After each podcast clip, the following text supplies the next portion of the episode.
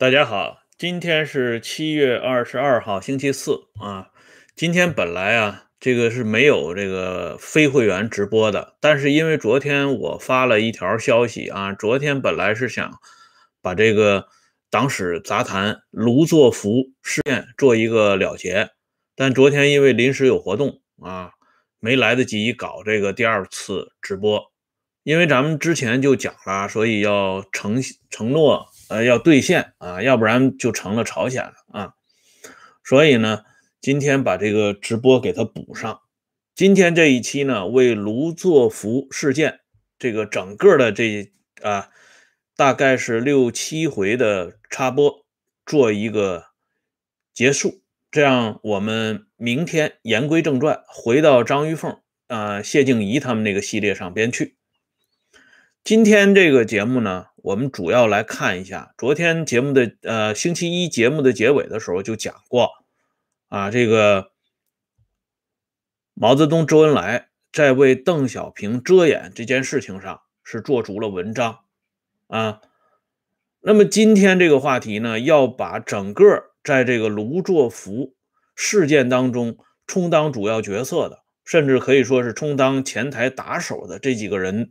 最终的结局做一个整体的交代，这里边呢就涉及到当时重庆市的党政一二把手张林芝和曹迪秋这两个人，后来呢都是大名鼎鼎的人物啊。张林芝呢，大家都知道，那是煤炭部部长啊，也是文化大革命的时候呢第一个被打死的。国家部长级别的干部啊，所以这个人物我们要做一个简单的介绍。那么现在呢，我们先来看一下，在卢作孚事件出来之后，这邓小平是一个什么状态？老邓安排的这几手准备工作做的都比较到位啊，西南公安部啊，周兴他们这些人，呃，同时呢，老邓仍然是。这个气宇轩昂的，啊，向西南各地宣布，近日各地打虎成绩尚好，但某些地方有所不足。啊，这是二月十四号，就是卢作孚二月八号去世，二月十四号过了一周的时间，老邓继续向西南各地打招呼，这个打虎呢还要继续进行。而在北京的周恩来啊，在替邓小平站台。我们知道，这个我们这个节目一开始的时候就给大家讲过，周恩来私下里两次给卢作孚打招呼，希望卢作孚不要回到西南去，就留在北京。可见呢，周恩来深知卢作孚重新回到重庆啊，这个他要面临的情况是什么样的。尽管这样。一旦出了事情之后，一贯顾全大局的周恩来马上把屁股坐到邓小平这边来了。啊，他在给黄炎培啊留下的那段话里边，之前我就说到有一个重点，就是卢作孚自杀留有遗嘱这四个字很重要。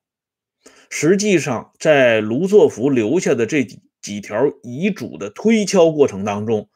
身在北京的周恩来手伸得很长，啊，就说当时西南公安部一方面是向西南局第一书记邓小平负责，另外一方面也向北京的周恩来负责。在处理卢作孚后事这件事情上，我给大家举一个例子，这个例子呢是黄炎培先生的后人啊写的东西。当时我们知道，因为合营的事情呢，卢作孚同刚刚成立的国家交通部啊打交道，而交通部当时的负责人就是后来大名鼎鼎的头号右派张罗同盟的啊主导人之一张伯钧啊，大家都看过张一和老前辈写的那本书《往事并不如烟》，也就知道张伯钧是一个什么样的人物。但是女儿笔下的老爹呢，只是女儿心目中的老爹。现实生活中，这位张伯钧呢，他还有另外一面，这个就由黄炎培的后人向我们来介绍了。呃，据黄炎培先生的后人介绍啊，在政务院的一次会议上，当时的交通部负责人发言批判卢作孚。这个时候，卢作孚已经去世了。在场的黄炎培怒不可遏，马上写纸条给主持会议的周恩来，请求为卢作孚说话，就是说黄炎培想挺身而出。替卢作孚出头，这人已经没了啊！你们居然还打他身上的板子，这黄炎培就看不过去了啊！周恩来就制止了黄炎培啊！周恩来讲这个，呃，黄老卢作孚的事情我来说啊。周恩来的原话是这么说的啊：黄老卢的事儿我来说。然后呢，周恩来发言。啊，他说：“我们首先要全场起立，为卢作孚先生致哀。”然后又讲了二十分钟的话，为卢作孚评功摆好。周恩来讲完以后，黄炎培又做重点发言，主要就是讲卢作孚在抗日战争时期组织的那次啊宜昌的大撤大撤退。哎。那么，周恩来和黄炎培的讲话结束之后，现场出现掌声。那么这件事呢，我们可以看到，当时交通部的负责人自然就是交通部部长张伯钧了。张伯钧对死后的卢作孚仍然大张挞伐，啊，他所做出的姿态其实是给党和人民看的，啊，至于张伯钧本人到底是怎么想的，我们目前已经无从得知。而周恩来的文章做的更足，啊，那边呢明明是啊卢作孚是因为什么样的原因而啊突然离世，大家看得很清楚了。之前这几集介绍已经说得很明白了，可是周呢罔顾左右而言他，用历史上的这些东西遮掩了现实的情景，由他说出对卢作孚的高度评价。让现场包括黄炎培在内的人都感激涕零，只是黄炎培和发言的张伯钧他们都没有想到，时间不过往后推迟了不到五个整年，黄炎培家里的好几个孩子，包括张伯钧本人，都纷纷落马，啊，成为右派分子，而那个时候，周恩来一句话都没有。周恩来讲这番话，不仅仅是为了卢作孚，更主要的是为了西南局的邓小平。因为老邓这个人，在二月十四号的时候，还是啊气宇轩昂的在宣布继续打虎。可是到了二月中下旬之后，老邓自己也撑不住了。这里呢，我给大家看一则史料啊，一九五二年二月二十二号。邓小平向毛泽东发出电报，这个文章的介绍呢，是北京大学教授钱理群先生写的文章当中给介绍出来的。邓小平向毛泽东报告说，西南地区工商业出现显著的停滞现象，贸易额和税收明显减少，国营公司营业额只有原先的百分之三十，工业器材啊。仅达到百分之十五，许多私营企业无事可做，大量的工人失业，而由于工商业的停滞，加速了城市贫民的困难。重庆三分之一的人口已经到了没有饭吃的地步，并且开始对这个三反运动表示不满，而一直为邓小平撑腰的毛泽东坐在北京。也坐不住了，连他都不得不告诉邓小平要改弦更张。毛泽东当时的回应是：打击要适可而止，不能走得太远，走得太远就要发生问题。我们已经对资产阶级打了一下，现在可以在新的基础上和他们讲团结了。哎，毛的这番话呢，就是对邓。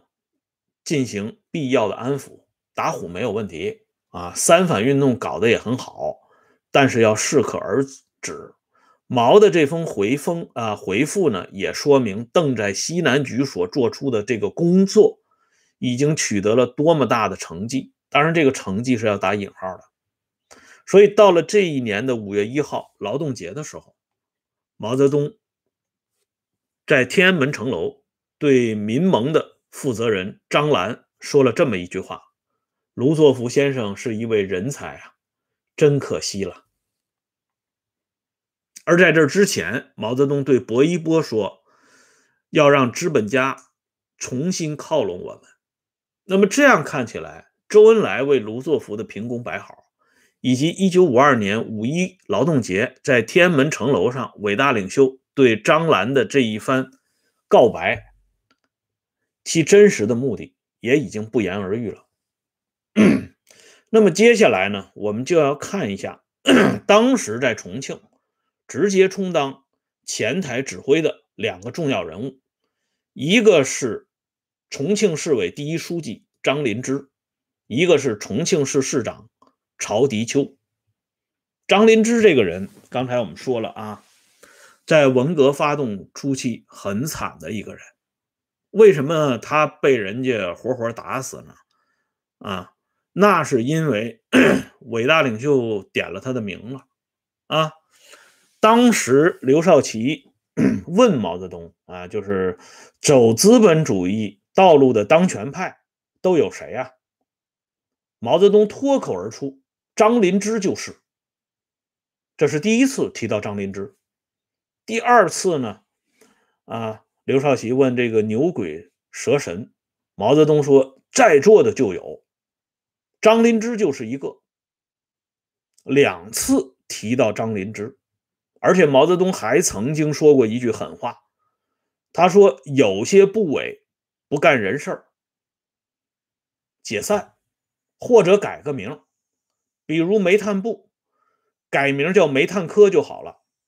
哎，这几个板子都是打在张林芝的身上，所以张林芝在这场大革命。里边的命运实际上早就已经被决定了的。那么，关于张林知是被打死的还是自杀的这个话题啊，我过一会儿再讲。现在我们先来看这位啊，为国捐躯的共和国部长，他当初一九五一年，在一九五二年，他在重庆对这些资本家们都做了哪些事儿？这里呢，我给大家展示一本书，这本书呢叫《共和国部长的悲歌》，作者呢叫于虎，这是他的笔名，他还有一个真名叫张光瑜，他是张林芝的儿子啊。张林芝的儿子在写他老爹这本传记里边说了这么一段话，很有意思。张林芝领导了重庆的三五反运动。成绩和缺点、问题都有他的份儿。群众运动中的过火行为，始终是张林芝在领导群众群众斗争时要面对的问题。群众运动矫枉过正，似乎是无法避免的。张光宇给老爹留下了足够的余地，但是他写的这几句话。背后的内容却丰富的不得了。我们都知道啊，在历史上，大家很清楚一个著名的历史人物。我们小的时候看小说《红颜》，长大以后看电影《在烈火中永生》，那里边呢有一个光辉形象，就是双枪老太婆。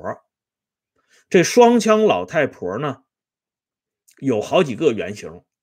其中原型之一叫陈莲师，这个人呢，我给大家看一下，这有一个核定本《炎黄春秋》二零零八年的核定本，《炎黄春秋》二零零八年第四期上边登了一篇文章，就是讲陈莲师老太太在建国以后的遭遇。陈莲师建国以后。担任重庆市妇联生产部副部长，而当时重庆市妇联的主席就是张灵芝的老婆李运华。那么接下来发生了什么事情呢？一九五二年，啊，也是在卢作孚自杀的这一年，双枪老太婆陈莲师被开除党籍，因为 重庆市妇联专案小组整理出来的关于双枪老太婆陈莲师的材料。既没有通过妇联的党支部，也没有通过党组，由态度坚决的妇联主任直接送到了她的丈夫市委书记的手里。据后来啊，曾经担任当时重庆市委组织部副部长的肖泽宽老先生晚年回忆，肖泽宽说：“这份材料给人的感觉，陈莲师简直就像一个反革命。”这篇文章呢，是林雪所写的。双枪老太婆在建国后，大家看一下啊，这么一篇文章，这是陈莲师的照片。都说不宜看核定本，那这个核定本就让我们看到张林芝、李运华夫妇在重庆期间对党内人士是如何矫枉过正的。那卢作孚就更加不在话下了啊。但是，这本《共和国部长的悲歌》里边既没有涉及陈莲师的冤案，也没有提到卢作孚的突然离世，啊，仿佛祥林嫂一样喋喋不休的讲他老爹是如何被陷害身亡的。那么，张灵芝是为什么死的呢？这个戚本禹的回忆录啊，介绍了这么一个话题。戚本禹晚年他说呀，张灵芝为什么死？因为张灵芝主管下的煤炭部，这个事故非常之多。毛泽东多次啊多次做出指示，但是煤炭部呢仍然是呃改不过来。这样的话呢，这个一些事故的家属呢就非常愤怒，对这个煤炭部的主管领导呢就义愤填膺。换句话说呢，北京矿院这些人动手打死张林芝，在戚本禹的回忆录里边被解释成为因为张林芝民愤过大，而且他还专门提到张林芝这个人喜欢大吃大喝。这个回忆录出版之后呢，引起了张林芝家属的愤怒啊。张灵芝的儿子也是刚才我提到的这个张光瑜，他在《炎黄春秋》二零一。六年第七期上发表了一篇文章，煤炭部长张灵芝因何而死？啊，就对戚本禹的这个回忆录做了回应，啊，把这戚本禹给臭骂一顿。但是戚本禹已经听不到了，因为戚本禹老头子在二零一六年四月下旬就嗝屁了，啊，所以他没办法对张光瑜的这篇回应呢。做出任何回应，这件事儿呢，就算是放下了。不管张灵芝是自杀还是被打死，他的原因呢，啊，归根结底最重要的一点，在张光瑜写他老爹的时候，也提到了这条，那就是当时煤炭部有一个局长叫肖生远。他公开揭发张林芝在背后谩骂伟大领袖。一九六六年七月下旬，在二楼会议室党委扩大会时，当时的煤炭部部长张林芝说：“第一任真厉害，古时候的秦始皇，现在的毛主席。”当时我就认为这番话很惊奇，是从哪儿来的呢？这是萧声远在文革初期。对张灵芝的揭发，这个揭发非常厉害啊！因为我们知道，著名的政治人物田家英、邓拓的自尽，都是因为他们在背后不同程度上、不同场合下议论秦始皇有直接的关系。当然，田家英啊议论秦始皇，据说是别人诬陷他的，他没有议论过。而邓拓议论秦始皇，那是有文字记载的。郑彦修老先生在访谈录里边对此做过一段回忆，大家可以看一下。那么我们也就知道，议论秦始皇是不行的。那像张灵芝这么说啊，第一任真厉害啊，秦始皇也厉害，伟大领袖也厉害，那就更加不得了了。但是据张灵芝的儿子张光宇讲，肖生远的这个揭发纯系诬告，张灵芝没有说过这样的话。张灵芝只不过重复毛泽东关于秦始皇的论述而已。只是呢，我们在这里啊，不想过多的纠缠张灵芝啊，张灵芝的死因。我们只是想问一下，张林芝这样一个重要的党的干部，大家知道啊，张林芝是一九四九年以来。共和国历史上绝无仅有的一个人，同时做两个部长啊！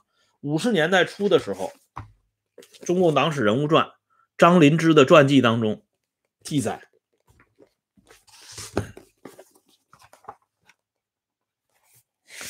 张灵芝当时负责筹建第三机械工业部和国家电机。制造工业部，并先后担任这两个部的部长和党组书记。啊，在一九四九年之后的历史上，有两个人物啊最突出，一个是曾希圣，同时兼任两个省的省委书记，山东省委第一书记和安徽省委第一书记。张林芝是另外一个，同时兼任两个部的部长和党组书记。所以这样大的干部啊，戚本禹一个小爬虫，怎么就能决定他的生死呢？而张光宇他们喋喋不休的在给老爹喊冤叫屈的时候，始终不敢触及的是戚本禹背后站的那个人。他们既不敢说，也不能说，因为他们知道冤有头，债有主啊。在审讯张灵芝过程当中呢，曾经有这么一段呃记录，这是煤炭部批斗张灵芝的录音。一九六七年一月份，录音带呢现在存在于国家能源部的档案馆。我把这个录音带上截录的这段话给大家念一下。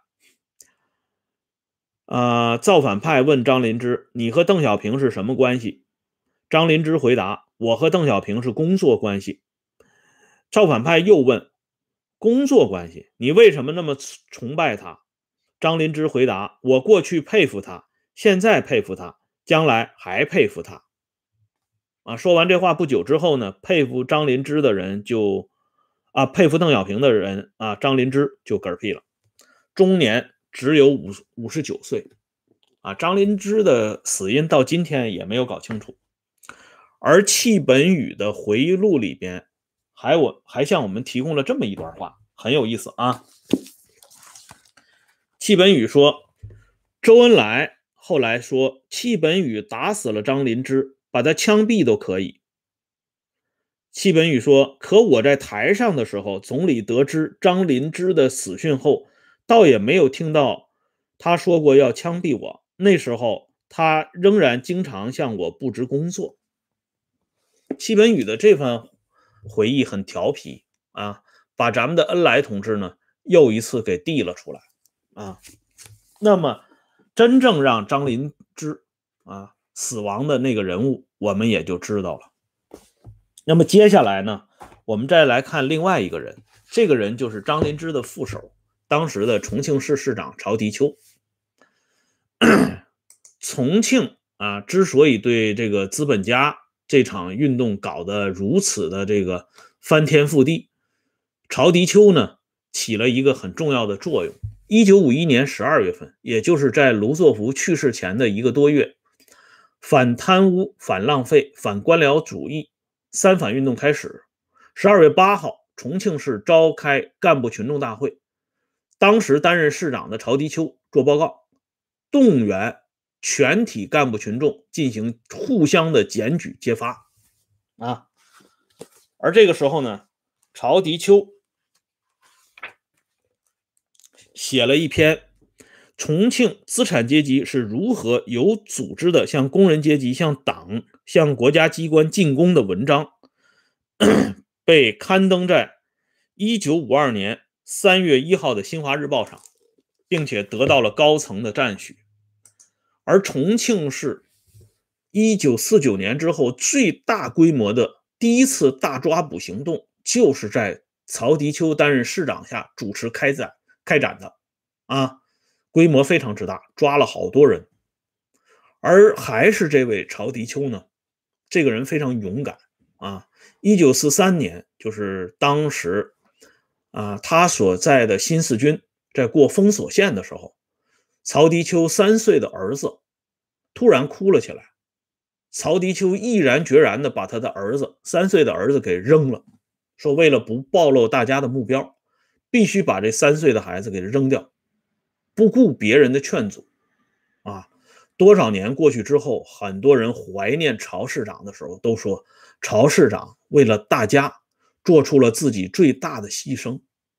但是这个故事啊，以前我给大家讲过，抗联著名的英雄人物李兆林。也曾经倒提着他一岁多一点的孩子儿子的腿，把儿子扔在雪地里，啊，这故事以前有过，啊，那么我们看一下曹迪秋的这个儿子三岁，啊，一九四三年时候三岁，那就是说他这儿子应该出生在一九四零年，也就是说曹迪秋呢应该在一九三九年左右让他的老婆呢怀孕了。而我们都知道，一九三九年到一九四一年这两年多的时间里，是抗日战争最艰难的阶段。在这么风雨如晦的岁月里，咱们这位曹市长为什么不能控制一下自己的情绪呢？为什么就让他老婆毅然决然地怀上了孩子呢？这一点也是一个千古之谜。相比之下呢，另外一位革命人物就比较乖，这就是我们都熟知的。活跃在上海地下工作战线的潘汉年，潘汉年当初呢，就因为听了周恩来同志同志的劝劝说，毅然决然的呢，在莫斯科做了结扎，啊，这样呢，就避免在他控制不住自己情绪的时候，要发生横的关系的时候，不至于出现李兆林和曹迪秋这种把儿子啊给扔出去的现象。所以从这一点上，我们可以看到潘汉年还是很厉害的。当然了，也说明呢潘汉年比较听话。但是听话的潘汉年呢，很早就被干掉了。而那个劝阻啊潘汉年做结扎的这个人呢，咱们的恩来同志呢，到今天为止，这老哥们儿他到底好哪口，也是一个千古之谜啊。因为这个恩来同志自己没有做结扎。啊，所以呢，我们看一下曹迪秋啊，这么大的这个勇气，自然而然，在整个的重庆的三反运动当中，其魄力究竟有多大了？所以，当张灵芝调走之后，曹迪秋擢升重庆市委第一书记兼市长，以后被选拔送到上海接替柯庆施的班啊，柯庆施。柯庆施嗝屁之后呢，他的职务呢一分为三，一块由陈丕显来接替，一块就由曹迪秋来接替。那文化大革命当中，我们知道曹迪秋遭到严重的迫害啊，最终呢含冤去世。曹迪秋的女儿曹小兰啊，也被发配到这个安徽的这些小地方工作，一干就是十几二十年。但是曹小兰女士呢非常坚定啊，在这本这个小册子《陶铸陶铸生命的最后四十三天》当中，徐子芳先生给我们留下了一篇报告文学，叫《市长的女儿》。这里呢就讲到曹迪秋的女儿曹小兰。曹小兰啊有一句名言，什么名言呢？我给大家读一下啊。曹小兰所在的安徽省淮北市。你提议曹小兰同志担任市委宣传部的领导工作。曹小兰拒绝了市委的要安排。曹小兰说：“果实的事业是珍贵的，花的事业是甜美的。然而，没有绿叶就没有花，没有果实。我愿做一片绿叶。”曹小兰继承老爹的革命遗志，坚决不当干部，一心扑在教育事业上。但是后来呢，我们得知啊，曹小兰女士拒绝了市委宣传部工作之后呢。被提拔担任了淮北市副市长，啊，看来呢，这个市委宣传部的领导工作不是绿叶，只有淮北市副市长才是绿叶。再后来呢，曹小兰女士调回上海，连续担任两届上海市政协常委、正厅级。看来这个绿叶呢，不适合在安徽省淮北市扎根儿，要在祖国最繁荣的大城市上海才能出现，啊。所以联系到曹小兰女士、张光瑜先生在回忆他们的先辈啊如何这个奋进啊，如何这个最后落得一个悲剧下场的时候，我们也顺便回忆一下张灵芝、曹迪秋其他的事迹，同时也发出一句问候：他们真的是完全无辜的吗？那么最后呢，这个节目的结尾的时候呢？要给大家顺便讲一下，当初真正仗义直言、替卢作孚先生出头的黄炎培夫妇的结局。黄炎培死于文革前夕，啊，某种意义上讲是一个幸运，啊，因为黄炎培不用再看那么揪心的这个岁月了。但是黄炎培的未亡人，啊，也是黄炎培这个。几个孩子的亲生母亲叫姚维军。这个人在黄炎培去世之后，一九六五年黄炎培去世，去世之后啊，黄炎培的这个最后的妻子姚维军被斗得相当厉害啊。一九六八年初，姚维军选择了与卢作孚走上同一条道路，用安眠药结束了。自己五十九岁的生命啊，大家看一下，很有意思。而刚才我们提到的那个张灵芝，他死的年龄也是五十九岁，三个五十九岁啊。卢作孚五十九岁，张灵芝五十九岁，啊，姚维军五十九岁。那么就回应了我们最早在节目当中提到的那个话题：没有一个无辜者，也没有一个胜利者。当初在重庆摇旗呐喊的张灵芝、曹迪秋他们，在十几年之后，都遭遇了这个无产阶级的铁拳。啊，为卢作孚仗义直言的黄炎培夫妇，也落得一个凄凉的下场。甚至那个给邓小平站台的我们的恩来同志，最终呢也是属于非正常死亡。只有那两个人啊得享高寿，至今呢还被膜拜不已。所以这个故事看起来，我相信大家听过之后想到的会更多。好了。今天呢，咱们这个节目就说到这里，感谢朋友们上来支持和收看啊！这卢作孚的系列就结束了。从明天开始，我们重新讲这个谢静怡和林立恒的故事啊！欢迎大家届时收看，欢迎大家关注“温相说时政”会员频道，经常有更新。再见。